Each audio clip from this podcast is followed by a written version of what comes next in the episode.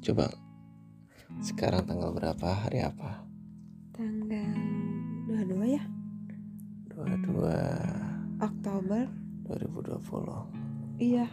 Aku mau ngasih tahu kamu satu hal. Apa? Suatu hari pasti ada kita berantem, kita selisih pendapat, kita salah paham. Tapi aku mau ngasih tahu kamu satu hal ke depannya. Bahwa kalau aku seandainya salah ngomong atau aku yang salah menanggapi begitu juga dengan kamu kamu yang salah ngomong atau kamu yang salah menangkap apa yang aku maksud itu sebenarnya hal wajar hal yang biasa terjadi gitu loh cuma aku pengen sama-sama dari awal tuh sama-sama tahu gitu. Kalau misalnya aku nanti salah ngomong atau apa nggak ada niat apa pun aku buat nyakitin secara percakapan. Nggak ada niat apa pun kayak apa ya menjatuhkan menjelekkan lah.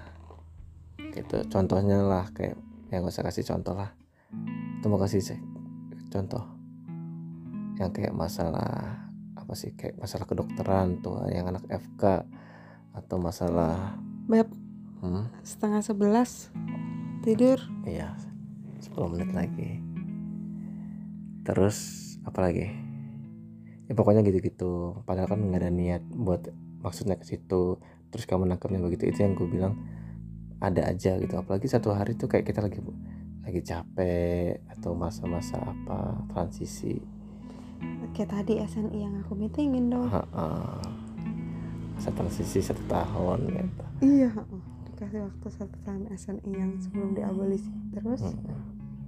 ya udah maksud aku kita harus punya pondasi dulu bahwa kalau suatu hari nanti kita berantem cuma gara-gara kayak gini kayak gini kita harus ingat ingat hari ini ingat malam ini ada pesan ini bahwa oh iya ya hal-hal kayak gini itu sebenarnya udah kita prediksi dari jauh-jauh hari gitu loh ya udah jadi untuk memberi maaf sama meminta maaf itu harusnya udah lebih Maaf. lebih punya dasar lah Bilang maaf dulu atuh ih. maaf Ya.